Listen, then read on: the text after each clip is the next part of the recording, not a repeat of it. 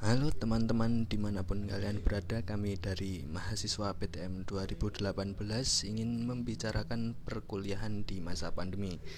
Sebelumnya perkenalkan nama saya Herbano Kuntoro Jati dengan NIM K251803 Saya di sini bersama teman saya.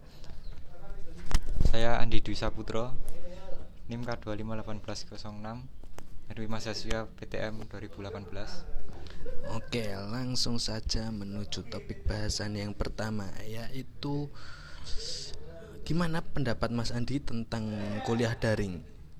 Apakah efektif atau belum?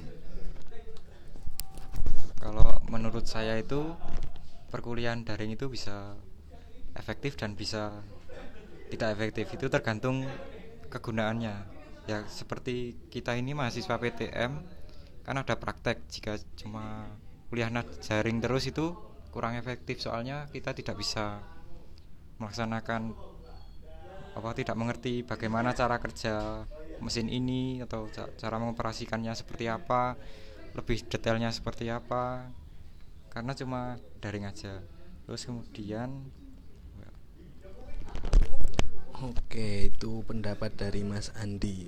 Untuk pendapat saya sendiri itu untuk kuliah daring di masa pandemi itu menurut saya masih kurang efektif ya karena penyampaian materi ya masih dinilai kurang karena beberapa dosen hanya mengirimkan materi saja tanpa meng, apa, melakukan perkuliahan secara daring dengan menggunakan Zoom ataupun Google Meet dan lainnya.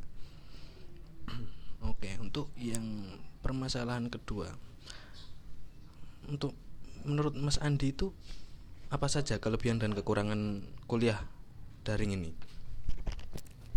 Ya, untuk kelebihannya itu kuliah daring itu ya yang pertama itu lebih kita bisa kuliah di mana saja kita berada.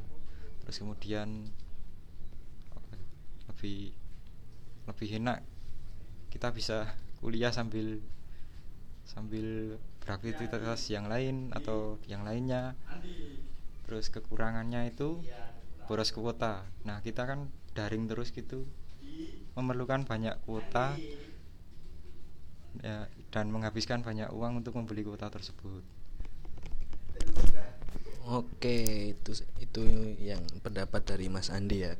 Untuk men, untuk pendapat saya sendiri itu untuk kelebihan dari kuliah daring itu yang pertama itu kita tidak perlu datang ke kampus dan bisa dilakukan di mana saja. Namun untuk kekurangannya kita kurang berinteraksi dengan mahasiswa yang lain dan dengan dosen itu sendiri. Jadinya kita mungkin bisa miskomunikasi atau gimana gitu. Oke, untuk pembahasan yang ketiga yaitu kendala selama kuliah daring. Oke, untuk untuk saya sendiri ya. Ini pengalaman saya sendiri karena perkuliahan daring ini menggunakan aplikasi yang membutuhkan sinyal jadinya kita bergantung dengan sinyal. Kalau semisal mati listrik atau sinyal internet baru down kita tidak bisa melakukan kuliah. Ya seperti itu. Untuk pendapat Mas Andi sendiri gimana? Untuk pendapat saya itu untuk kendalanya itu ya hampir sama di kendala di sinyalnya. Nah itu karena wah, di sekitaran rumah saya itu untuk sinyal itu agak jelek. Jadi kalau buat kuliah itu agak putus-putus.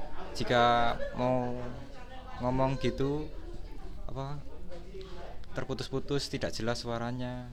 Terus sehingga sehingga kurang kurang dalam kurang mengerti dalam perkuliahan daring ini Oke, kemudian kita lanjut ke pembahasan berikutnya yaitu mengenai praktek. Ya, karena kita mahasiswa pendidikan teknik mesin, kita tidak terlepas dari kuliah praktek ya. Kita kemarin semester 4 dan semester 5 kan sempat melakukan praktek dengan sistem blok ya. Untuk untuk pendapat dari Mas Andi itu sendiri gimana? Untuk sistem blok sendiri itu dalam praktek itu menurut saya itu sangat setuju diadakan seperti itu. Soalnya dalam sistem praktek blok ini kita dalam sehari itu kan misal baru pengenalan pada praktek tersebut terus kemudian hari selanjutnya itu bisa melanjutkan praktek yang sebelumnya. Dan tidak tertunda satu minggu atau beberapa hari terus apa ya, terus kita kurang paham terus agak lama dalam pengerjaannya. Kemudian ini juga diterapkan di SMK juga sangat bagus.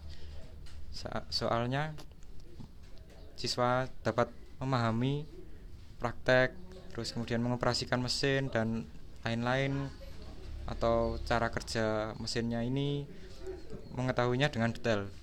Mungkin itu. Ya, itu pendapat dari Mas Andi ya mengenai kuliah praktek dengan sistem blok ya. Untuk menurut saya sendiri itu menurut saya kalau satu mata kuliah praktek hanya dilakukan satu minggu menurut saya masih kurang ya karena mungkin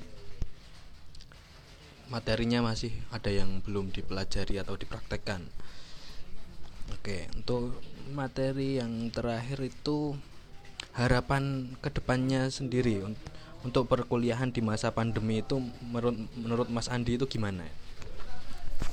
Untuk perkuliahan di masa pandemi ini menurut apa untuk ke depannya itu perkuliahan harus disampaikan dengan media dengan media pembelajaran yang bervariasi sehingga kita atau siswa atau mahasiswa dapat mengerti pembelajaran itu dengan baik, dapat menerimanya dengan baik dan tidak ada tidak hanya diberikan materi saja dan mahasiswa disuruh mempelajarinya tetapi kadang kita juga tidak akan membacanya. Oke.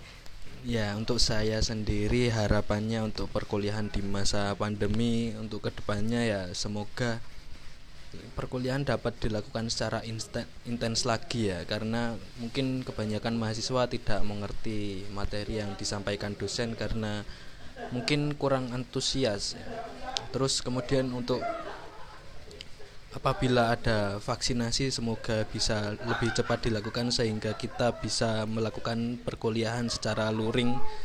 Ya kembali seperti awal lagi lah. Ya cukup sekian podcast dari kami. Terima kasih yang sudah mau mendengarkan. Salam sukses untuk kalian semua. Bye bye